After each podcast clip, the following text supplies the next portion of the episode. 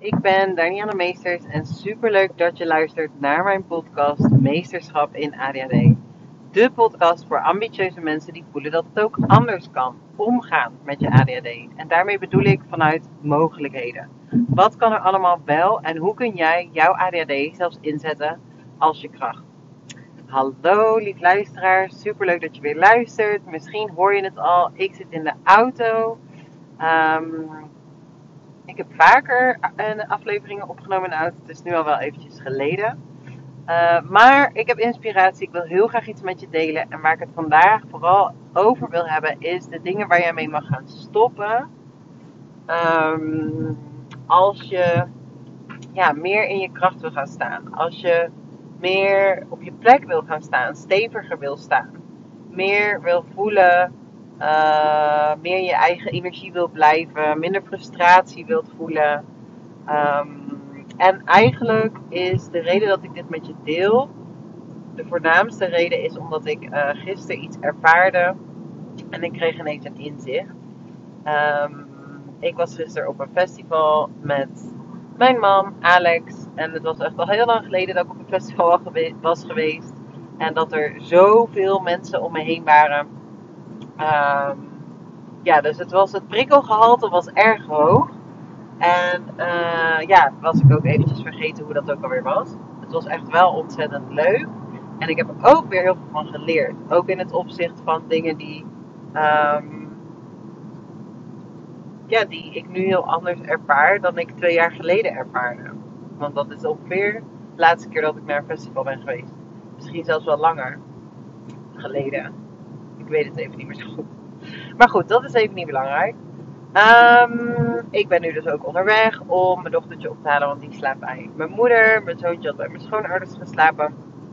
Um, nou ja, goed. Dus onderweg wil ik je daar even uh, in meenemen wat ik dus gisteren zag en ervaarde.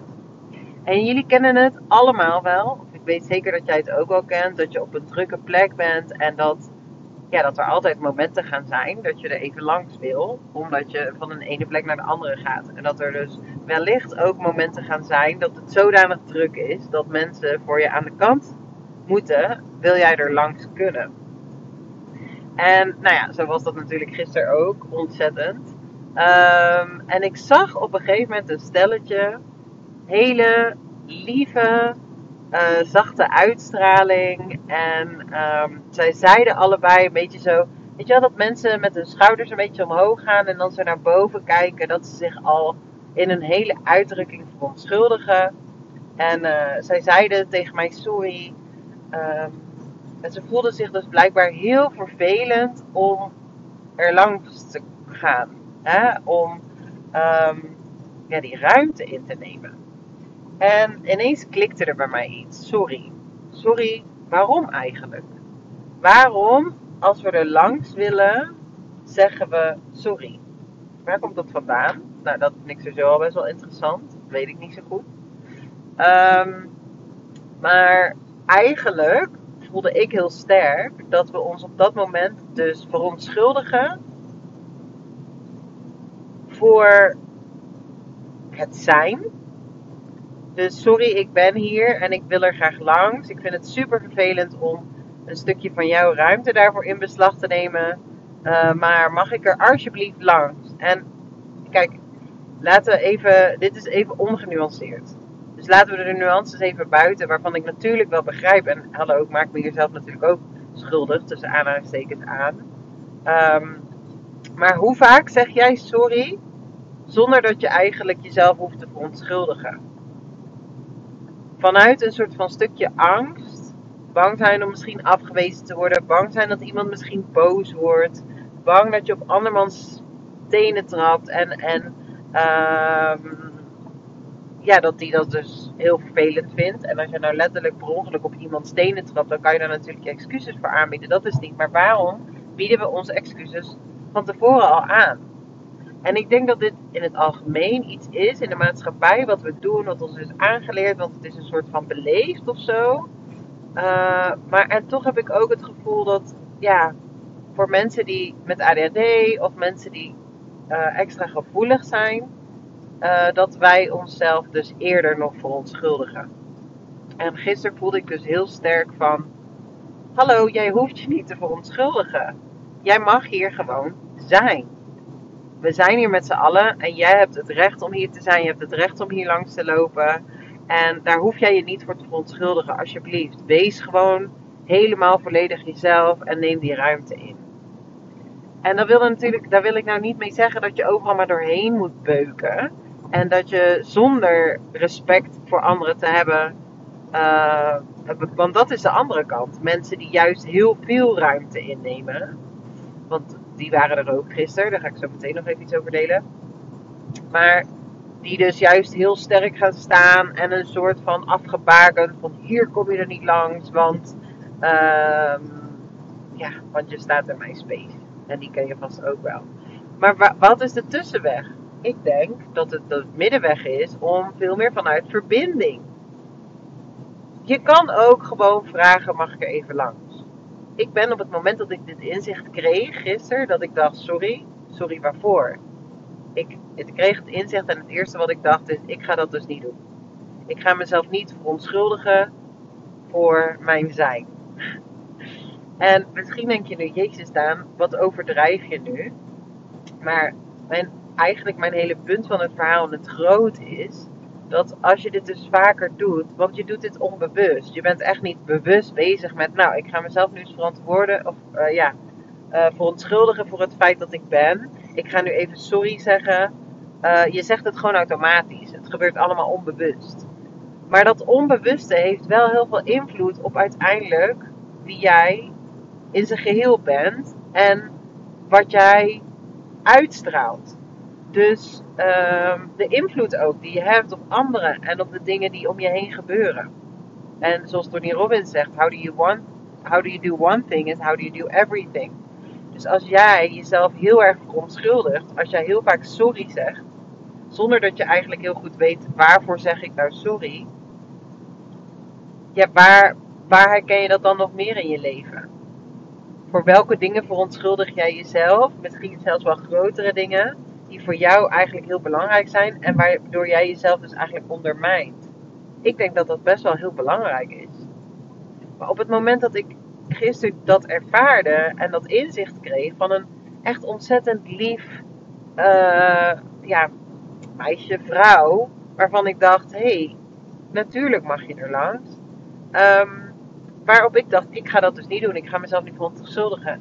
En dan niet vanuit een, uh, ik ben beter dan jij. Maar meer gewoon van, wat kan ik dan wel doen? Want ik, ik heb geen behoefte aan het duwen, trekken of het uh, op mijn ruimte afdwingen, zeg maar.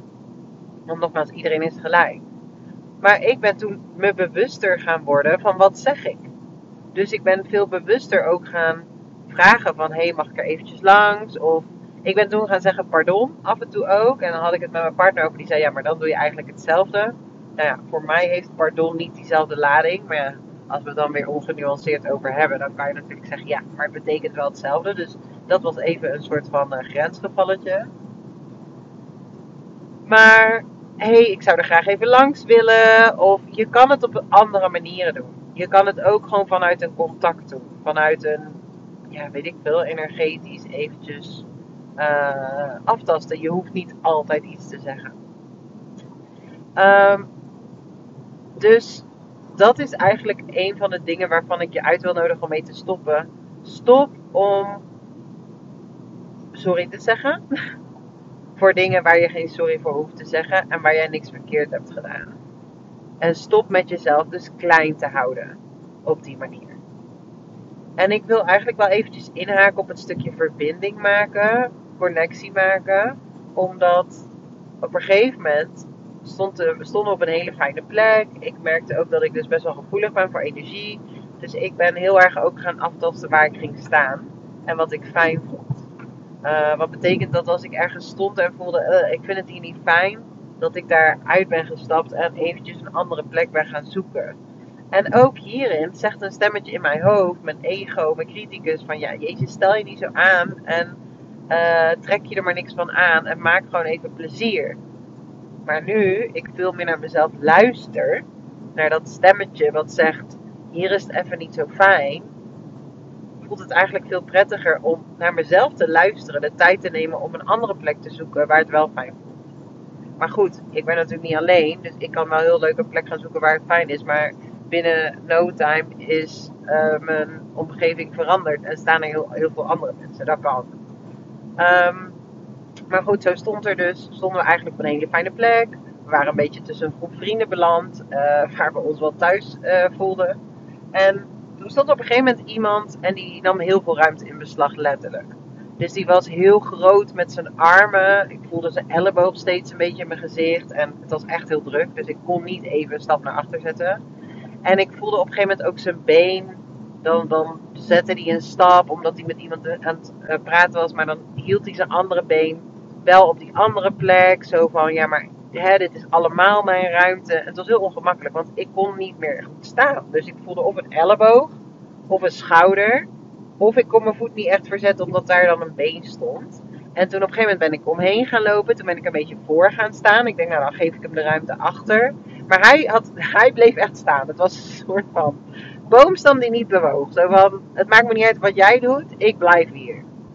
En ik vond dat dus totaal niet prettig. Dus toen uiteindelijk ging hij dus weer een beetje duwen, weer met zijn elleboog. Uiteindelijk heb ik tegen hem gezegd van, joh, als jij nou even hier gaat staan, dan ga ik daar staan. En toen hield hij een beetje zijn schouders op van, ja, wat jij wil. Um, en toen zei hij, ja, wat jij wil, prima. En toen zei ik, ja, het zou heel fijn zijn als je me uh, even wat meer ruimte zou willen geven, dankjewel. En dat was toen fijn. Dus hij ging even een stukje naar voren, waardoor ik gewoon achter weer bij mijn man kon blijven staan. En er was niks aan de hand. Sterker nog, een paar minuten later keek ik naar hem en zag ik dat hij er veel meer ontspannen bij stond. Want het is niet zo dat we dan een van ruimte hadden afgebakend of zo. van, dit is mijn plek, dit is jouw plek. Maar wel een beetje van, hé, hey, ik geef jou de ruimte. Kan jij mij dan ook even ruimte geven? Dat is prettiger voor ons allebei. En dat was uiteindelijk ook het resultaat. En dat heb ik twee keer gedaan gisteren. Er was een ander moment dat er wat meiden voor ons stonden. En één iemand die stond ineens, nou nog net niet bovenop me zeg maar, omdat dat dus fysiek niet kan. Maar zij had wel best wel veel ruimte aan de voorkant. Soms hebben mensen dat misschien niet zo door. Maar ik kon amper ademen. Dus oké, ik, uh, ik probeerde een beetje naar achter te gaan, maar dat lukte niet. En ik probeerde wel mezelf daaraan aan te passen. Uiteindelijk dacht ik, ja, ik vind het gewoon niet prettig. Maar ik wil ook niet weg.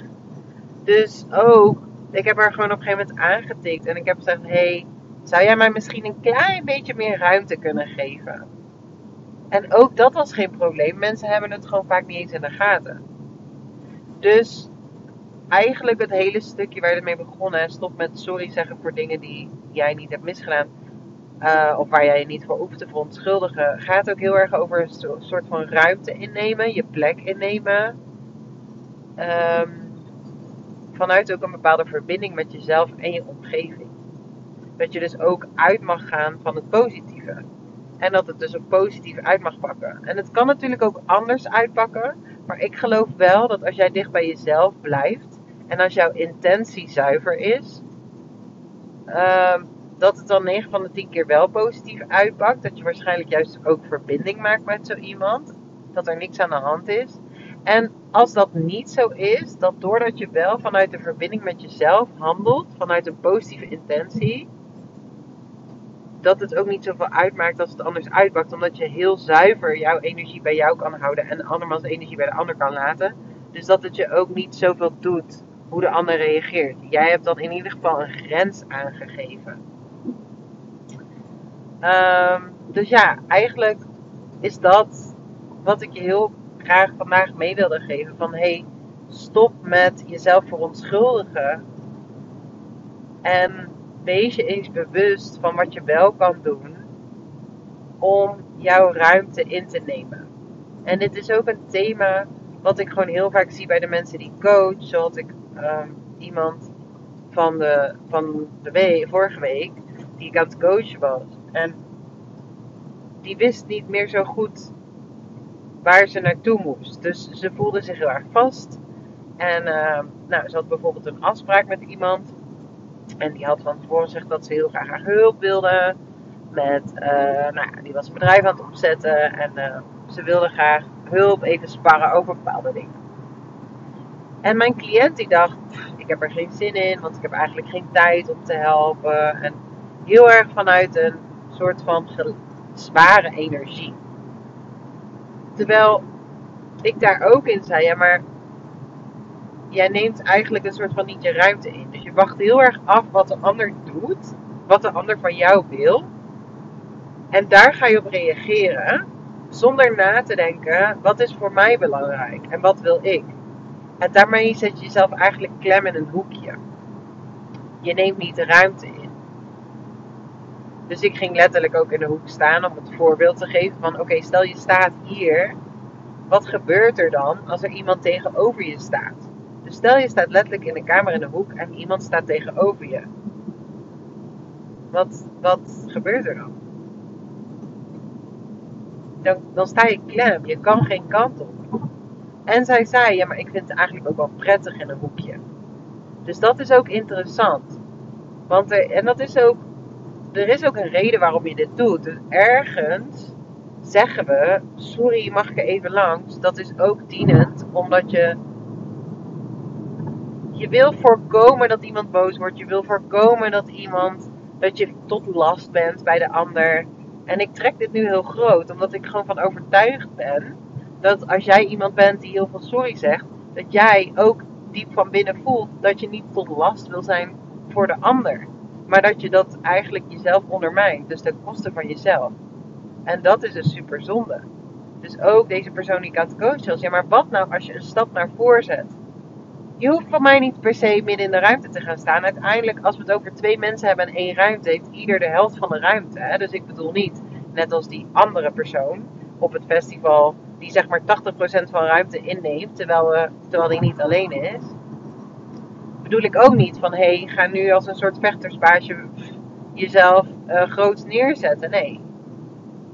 Pak gewoon de ruimte die van jou is, waar je recht op hebt. Unapologetically. Zonder je daarvoor te verontschuldigen, want dat mag, want dat is jouw plek. Dus ook deze coachie zegt: Oké, en als het dan heel eng voelt, hè, stel je neemt nu 10% van de ruimte in beslag, probeer dan eens 20 of 30% in te nemen. Dus, en, en je mag dit echt fysiek proberen, want het helpt. Om, te, om over na te denken, wat als jij, dus je maakt jezelf klein, even fysiek gezien. Je schouders zijn omlaag, je, je, je bent een beetje ingetrokken, ingedoken. Ik weet niet of je naar me luistert terwijl je wandelt, of misschien ben je zelf aan het autorijden, uh, of een andere situatie. Maar hoe zit je, of sta je, of loop je er nu bij? Wees je daar eens even van bewust. Maak je je klein, of neem je ruimte in? En misschien merk je al dat doordat ik dit nu benoem, dat je uit jezelf fysiek al iets gaat doen. Dat er al iets gebeurt fysiek in je houding. Dat je denkt, oh ja, je hebt gelijk. En dat je als vanzelf een beetje meer je schouders wat naar achter trekt, je borst ietsje meer naar voren. Dat is ruimte innemen. En als je dit nou eens van, als je dan van 10 naar 20, 30 procent gaat, wat doe je dan? Dus dit is, en energetisch doet dat gewoon heel veel. Als je hier op deze manier mee omgaat. Um, ja, dus eigenlijk stop met jezelf klein te houden en start met de ruimte innemen die van jou is. Zonder dat je ervoor hoeft te vechten. Hij is al van jou. En hoe harder je nu voelt dat je in gevecht gaat, of dat je boosheid voelt naar een ander toe. Ja, maar de ander. Nee, hou de verantwoordelijkheid wel bij jezelf. En, en gun het ook jezelf. Ik mag er zijn. Ik mag er zijn. Precies zoals ik ben. Dat is helemaal oké. Ik hoef me niet klein te houden nog een voorbeeld van een cliënt die ik had vorige week. Die dus merkte dat ze um, nou, heel erg van vroeger mee heeft gekregen dat ze te uitgesproken was. Dat ze te erg een mening had. Dat ze te veel van dingen vond. En dat ze daar geen vrienden mee maakte. Dus dat ze op een gegeven moment op een punt in haar leven heeft besloten: ik kan beter mijn mond houden. Ik kan beter niet te veel zeggen. Ik kan beter die die uitgesproken persoon in mij klein houden, want daar maak ik geen vrienden bij. Oftewel, ik kan beter niet volledig mezelf zijn, want dat is veiliger. En hoe zonde is dat? Als ik naar zo iemand kijk, dan denk ik: Oh, je bent zo fantastisch. Je bent zo mooi. Je bent zo waardevol als je je wel uitspreekt. En er is ook zoveel moed voor nodig hè, om die persoon helemaal te kunnen zijn. Om je wel uit te spreken. Omdat er altijd de angst is om afgewezen te worden. Vooral als je dat dus vroeger hebt meegemaakt. Maar je bent dat kleine meisje niet meer of die kleine jongen niet meer. Um, je mag die bond mag je helen. En het is nu aan jou, aan de volwassen versie van jou, om jezelf toe te staan. Hé, hey, ik mag er wel zijn. En mijn uitgesproken mening is juist heel waardevol. En niet iedereen zal deze fantastisch vinden. Oké, that's fine. Dat hoeft ook niet. Je hoeft niet door iedereen leuk gevonden te worden. Jij vindt ook niet iedereen leuk. En dit heb ik al eerder benoemd ook in mijn afleveringen. Dus, uh, initieel gezien dacht ik, ik ga iets opnemen over uh, waar heb je allemaal nog meer mee te stoppen. Maar eigenlijk denk ik dat dit gewoon een hele grote is. en dat er heel veel dingen zijn waar je mee zou kunnen stoppen om in je kracht te komen staan. Maar dat, um, nou, dat ik daar een andere aflevering een keer van over opneem. En dat het nu dus vooral gaat met stop met jezelf uh, te verontschuldigen voor wie je bent. Dus um, ga daar vandaag nog mee starten. En wees je in eerste instantie eens bewust hoe vaak je sorry zegt, hoe vaak je jezelf dus verontschuldigt. Uh, want ik ben zo ontzettend blij dat jij er bent. En ik ben zo ontzettend blij dat jij met je krachten, met je talenten hier bent. Die zijn er niet voor niks. Dus laat ze zien, want we hebben ze nodig. We hebben jou nodig. Dus vertrouw daarop. Dankjewel voor het luisteren en ik hoop dat je hier iets mee kan. Ik hoop echt dat je meer ruimte in gaat nemen, jouw ruimte. Dat je voelt dat je er mag zijn. En uh, ik hoor natuurlijk graag die reactie. Dus laat het me vooral weten. En um, ik wil je toch ook eventjes meenemen in de One Day Retreat. Die 11 november plaats gaat vinden. Omdat als jij er klaar voor bent om meer die diepte in te gaan, om echt van je hoofd naar je hart te gaan. Dus als je ervaart dat je last hebt van piekeren, dat je merkt dat je gewoon heel veel in gedachten kan zitten, heel veel met die innerlijke criticus, uh, voelt dat je niet de ruimte in beslag neemt en dat je er klaar voor bent om meer in verbinding te komen met jezelf. Zodat je vanuit die verbinding met jezelf ook makkelijker in verbinding kan komen met anderen. Dan is deze One Day Retreat echt voor jou. Dus wat gaan we doen? Het is 11 november. En uh, we gaan starten met een uh, cacao uh, microdose ceremonie. we gaan wat lichaamswerk doen. En um, we gaan connectie maken. We gaan lunchen met elkaar. In de middag gaan we een coach sessie doen. En um, daarna gaan we ook nog eventjes creatief aan de slag. En het doel is echt dat jij in die middag wegloopt met specifieke actiepunten. Um, en uh, dat je gewoon weet wat jou te doen staat in 2024, maar liefst natuurlijk al eerder. Om die ruimte in te nemen en om de persoon te zijn die je eigenlijk diep van binnen al bent. Uh, dus dat je echt meer in je kracht gaat staan en dat je weet wat jou te doen staat, wie jij te zijn bent om ook echt volledig in die kracht te komen. Wil je meer informatie? Stuur me gerust even een mailtje danielle.pivecoaching.nl voor vragen. Het wordt een kleine groep. Um, ja, het wordt gewoon een magische, fantastisch leuke dag. Dus um, wil je erbij zijn? Uh, kijk dan even de link in de show notes. Wil je me even een vraag stellen? Stuur me gerust een berichtje. Danielle uh, Coaching of Danielle Meesters via mijn uh, Insta. En dan hoop ik tot de volgende.